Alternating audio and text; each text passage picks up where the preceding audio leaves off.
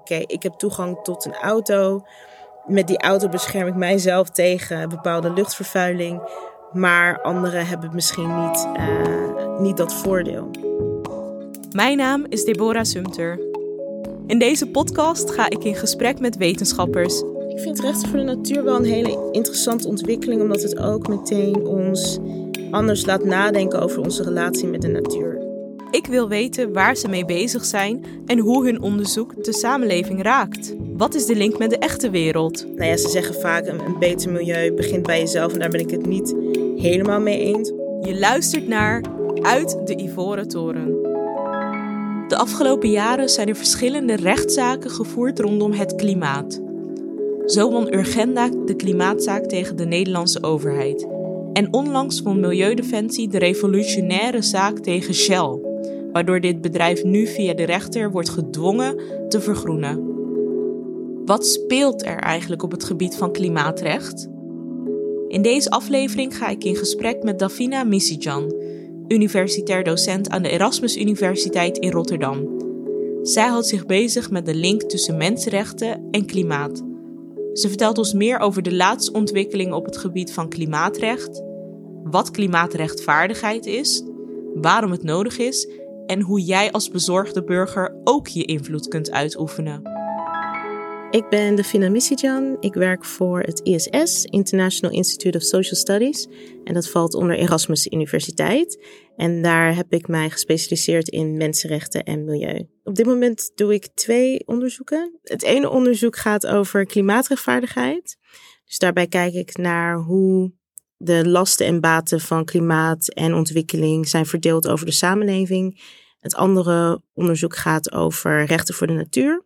Nou, rechten van de natuur gaat er bijvoorbeeld over dat de rivier rechten heeft gekregen. En dat zijn dan niet per se mensenrechten, maar meer rechten die voor de rivier relevant zijn. Dus bijvoorbeeld het recht om zichzelf te ontwikkelen zoals het wilt, uh, tussen aanhalingstekens. Of uh, niet onderbroken te worden. Dus bijvoorbeeld dat er geen dijken ingebouwd mogen worden of andere constructies. Dat de kwaliteit van het water goed moet zijn. Dus echt rechten die specifiek relevant zijn voor de rivier. Ik vind rechten voor de natuur wel een hele interessante ontwikkeling, omdat het ook meteen ons anders laat nadenken over onze relatie met de natuur. Dus um, dat we wegstappen van het idee dat de mens um, eigenaar is van de natuur en uh, de, natuur, mag um, gebruiken zoals wij dat goed vinden. Naar een wat meer, naar een relatie waarbij de natuur wat meer ook onze verantwoordelijkheid is. Uh, en dat we dus echt plichten hebben uh, ten opzichte van de natuur. Dus dat vind ik een hele interessante ontwikkeling. En ik hoop, ja, wat we, we hebben nog maar een paar jaar. Dat is natuurlijk ook een groot probleem. We zitten nu in 2021 en we hebben doelstellingen voor 2030. We hebben doelstellingen voor 2050. Um, en het ziet er heel erg naar uit dat als we niet snel uh, een andere kant op gaan, dat, dat het eind in zicht is, zeg maar. Um, en voor heel veel gemeenschappen over de hele wereld is nu al uh, een klimaatcrisis aan de gang. Voor ons, we voelen het wel, maar het is toch niet zo hevig zoals in, uh, op andere plekken. Um, dus we doen er goed aan als we daar rekening mee houden en zo snel mogelijk um, verandering daarin brengen. Davina houdt zich in haar onderzoek bezig met milieuongelijkheid. Hierbij kijkt ze naar hoe sociaal-economische problemen gelinkt zijn met milieuproblemen. Een voorbeeld hiervan is luchtvervuiling. Ja, dus als je inderdaad kijkt naar luchtvervuiling, dat is een heel groot probleem wat ook binnen Europa heel erg speelt. Um, we hebben natuurlijk wel bepaalde milieunormen, maar um, ja, daarvoor wordt vaak over een langere tijd wordt daarvan gekeken of we daaraan voldoen. Maar we zien wel dat er bepaalde spikes of bepaalde eh, toenames zijn op bepaalde uh, tijdstippen en ook in bepaalde gebieden. En dat zijn vaak de gebieden waar ook kwetsbare groepen wonen. Uh, dus mensen die of een sociaal lagere uh, economische status hebben, um, maar ook bepaalde gezondheidsproblemen al hebben. En daardoor is luchtvervuiling of blootstelling aan luchtvervuiling voor hen een groot probleem. Dus ja, hoe ga je dat dan oplossen? En ik kijk dan vooral naar beleid en naar het rechtssysteem, hoe die daar een oplossing voor kan bieden. In de afgelopen jaren lijkt het aantal klimaatrechtszaken sterk te zijn gestegen.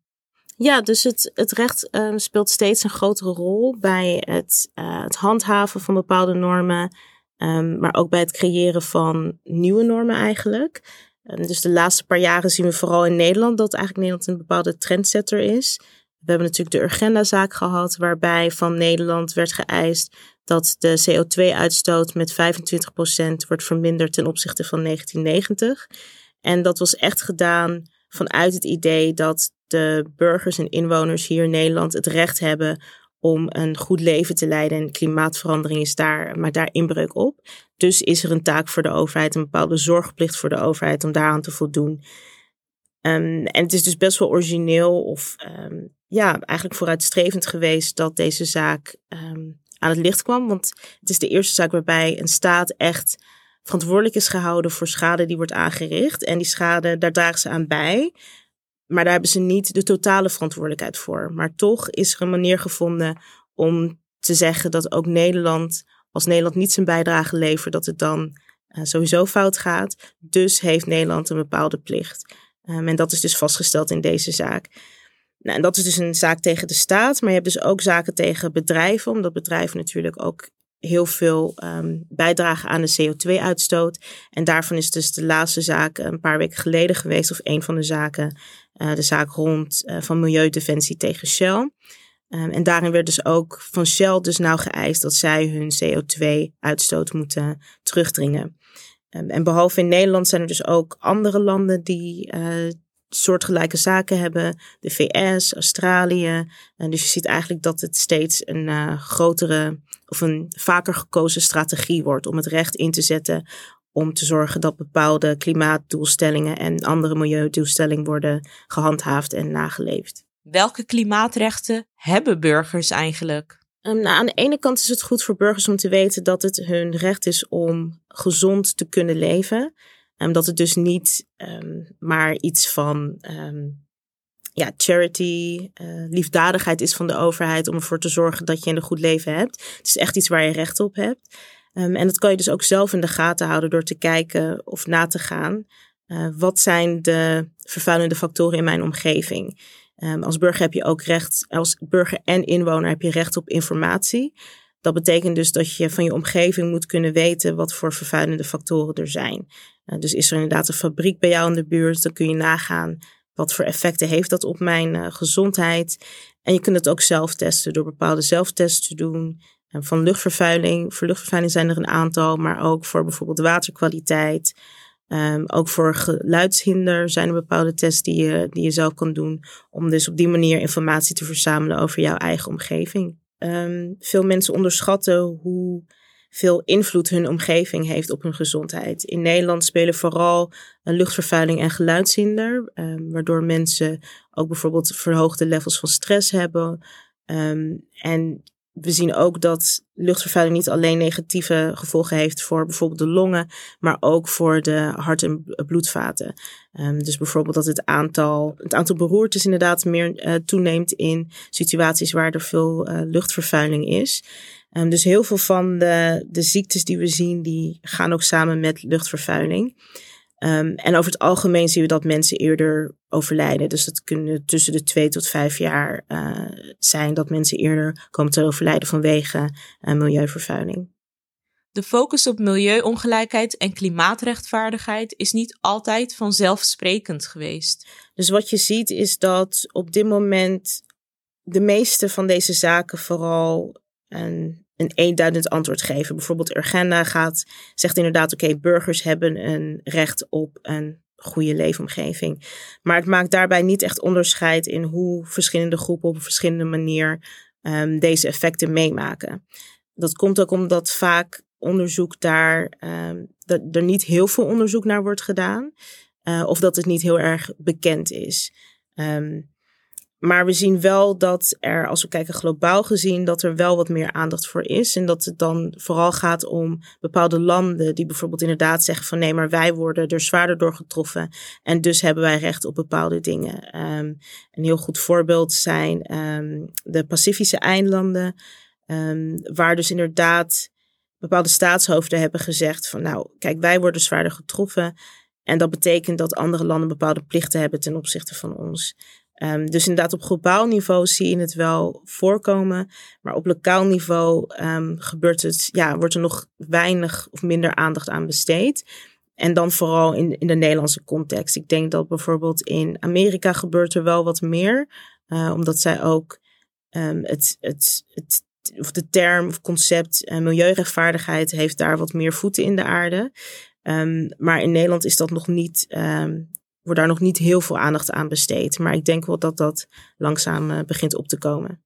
Ook de traditionele milieubewegingen houden zich met thema's bezig die gaan over meer dan alleen het milieu. De traditionele milieubewegingen die waren echt alleen gefocust op het milieu vaak of op uh, dierenwelzijn. Uh, maar we zien de laatste paar jaren dat zij ook steeds meer zich beginnen uit te breiden. En ook zien dat mensenrechten bijvoorbeeld een goede tool, een goed hulpmiddel kunnen zijn om uh, bepaalde milieudoelstellingen te bereiken. Dus daarin zie je ze al uh, wat oprekken. Um, en ik denk nu dat het, het onderwerp van sociale uh, rechtvaardigheid nu ook steeds meer voor hen ook onder de aandacht komt. Uh, omdat je inderdaad ziet dat er ook steeds meer uh, leden bij komen die misschien wat meer inspraak hebben en ook zeggen van ja, we moeten misschien ook naar deze thema's kijken. Um, dus daarin zie je ook wel dat ze wat beginnen te groeien. Um, maar inderdaad, traditioneel gezien was dat niet altijd op de agenda. De rechtsgang is wereldwijd populair in de strijd tegen klimaatverandering. Ook, of misschien wel juist, bij jongeren. Bij klimaatrecht wereldwijd zien we ook steeds meer dat uh, jongeren zich inzetten. Um, dus steeds meer kinderen en jongeren gaan ook naar de rechtbank om hun um, stem te laten horen. Uh, dat is natuurlijk ook voor hen een manier, omdat zij niet mogen stemmen. Um, is dat een manier voor hen om wel aan te geven van oké, uh, tot hier niet verder. en het is ook onze toekomst waar jullie aankomen. dus we zien steeds meer zaken waarbij jongeren en kinderen in de rechtszaak zijn, in de rechtszaal zijn. Um, en ook succesvol um, bepaalde thema's aankaarten. Um, ja, daarnaast zien we dus ook dat er ook steeds meer een rol komt vanuit het globale zuiden naar het globale noorden toe. juridisch gezien ligt het nogal moeilijk om uh, verantwoordelijkheid te vragen voor grensoverschrijdend gedrag. of grensoverschrijdende consequenties. Uh, maar daarbij zien we dat juristen steeds creatiever proberen om te gaan met het recht om daar aandacht voor te vragen. Dus inderdaad via, um, via bepaalde bedrijven aan te spreken, maar ook via uh, overheden um, of door zich te beroepen op bepaalde, um, ja, bepaalde uh, verdragen. Wat voor rol kan de overheid eigenlijk spelen in de klimaatdiscussie? Ja, dat overheden niet de makkelijkste weg kiezen. Eh, of de, de, en eigenlijk voor, voor het hoogste doel gaan. Dus we hebben vaak die discussie van moet het uh, anderhalve graad zijn of twee graad. Um, het fijn zou zijn natuurlijk dat, uh, dat overheden kiezen voor de, de optie die het moeilijkst is. Maar we zien dat dat natuurlijk nogal een uitdaging is. Um, dat er heel veel belangen bij spelen ja, ik, ik, hoop echt dat overheden hun verantwoordelijkheden inzien. En ook dat ze um, zien dat ze ook een bepaalde verantwoordelijkheid hebben verder dan uh, hun eigen grenzen. Klimaatrecht is af en toe ook erg ingewikkeld. Zo moet Caribisch Nederland ook voldoen aan de strenge klimaateisen waar Nederland aan moet voldoen.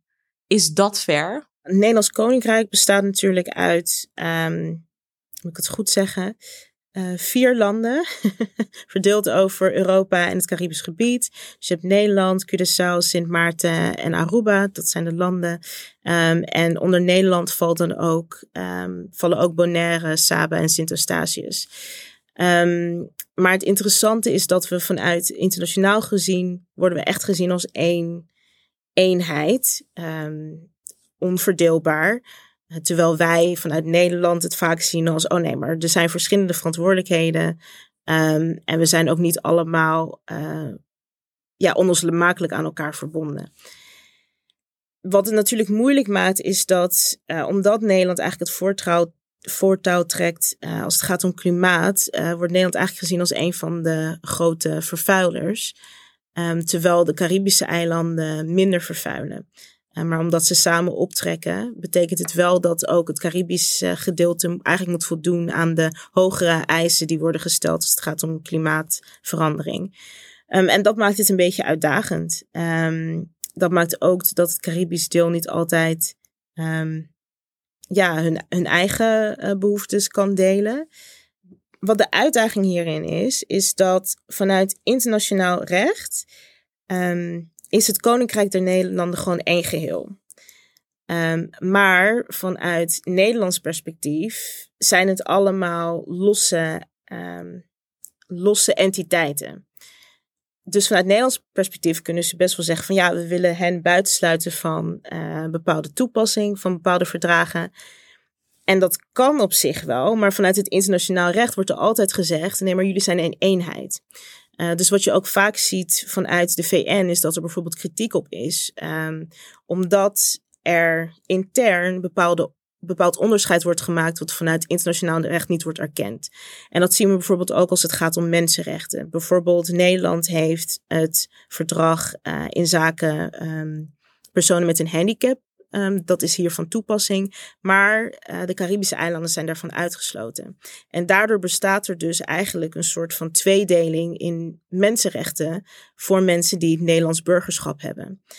En daar is natuurlijk heel logisch gezien heel veel kritiek op. Want dat betekent als je hier in Europees Nederland woont, dat je dan net iets meer rechten hebt dan als je bijvoorbeeld op uh, Bonaire zou wonen of op Aruba. Het is juridisch allemaal een hele grote puzzel. De klimaatverdragen. Uh, maar ze zijn wel van toepassing dus voor het hele koninkrijk.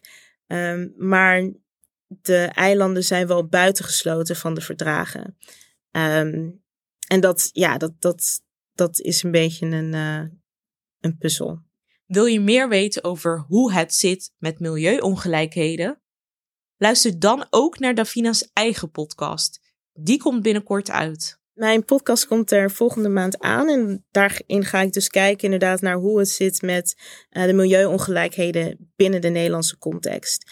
Uh, omdat ik zie dat daar veel vragen over zijn. Um, en het lijkt me dus heel erg goed om inderdaad in te zoomen op een aantal voorbeelden. Dus bijvoorbeeld inderdaad luchtvervuiling. Hoe zit dat precies? Maar ook toegang tot publiek groen. Um, sommige steden hebben daar heel erg duidelijk beleid over, maar andere steden niet. Waardoor we zien dat dat ook weer negatieve gevolgen heeft voor um, mensen hun gezondheid. En zeker in deze afgelopen uitdagende tijd rond uh, de coronapandemie hebben we gezien hoe belangrijk het is om ook buiten rond te kunnen lopen, toegang te hebben tot, tot publiek groen. Dus um, nou, de link zal ik met je delen.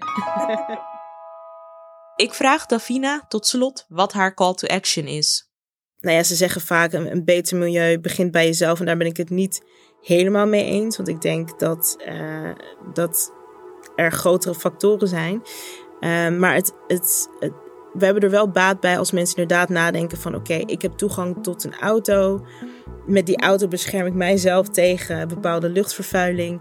Maar anderen hebben misschien niet, uh, niet dat voordeel. Dus dat mensen zich daar wel, wel bewust van worden. Um, en daarnaast zou ik voor mijn, mijn onderzoek heel interessant vinden als mensen inderdaad voorbeelden hebben uit hun eigen omgeving. Waarbij ze zien dat er bepaalde milieufactoren zijn uh, die mensen negatief beïnvloeden. Bijvoorbeeld heeft het voor jou heel lang geduurd om een bepaalde vergunning te krijgen voor publiek groen in jouw wijk. Uh, wat, wat we heel vaak zien. Dat sommige wijken zich daar harder voor moeten maken om bepaalde dingen gedaan te krijgen dan andere. Um, dus als je dat soort voorbeelden hebt, dan uh, kan je zeker uh, mij benaderen daarvoor. Isis.nl en op Twitter volgen. Dr. Missiejan. Dit was aflevering 7 van Uit de Ivoren Toren. Het LDE Center for Sustainability bedankt Davina Misijan voor haar bijdrage. Meer over onze gast vind je op onze website. Meer luisteren? Abonneer je dan op deze podcast via je favoriete podcast-app. Tot de volgende!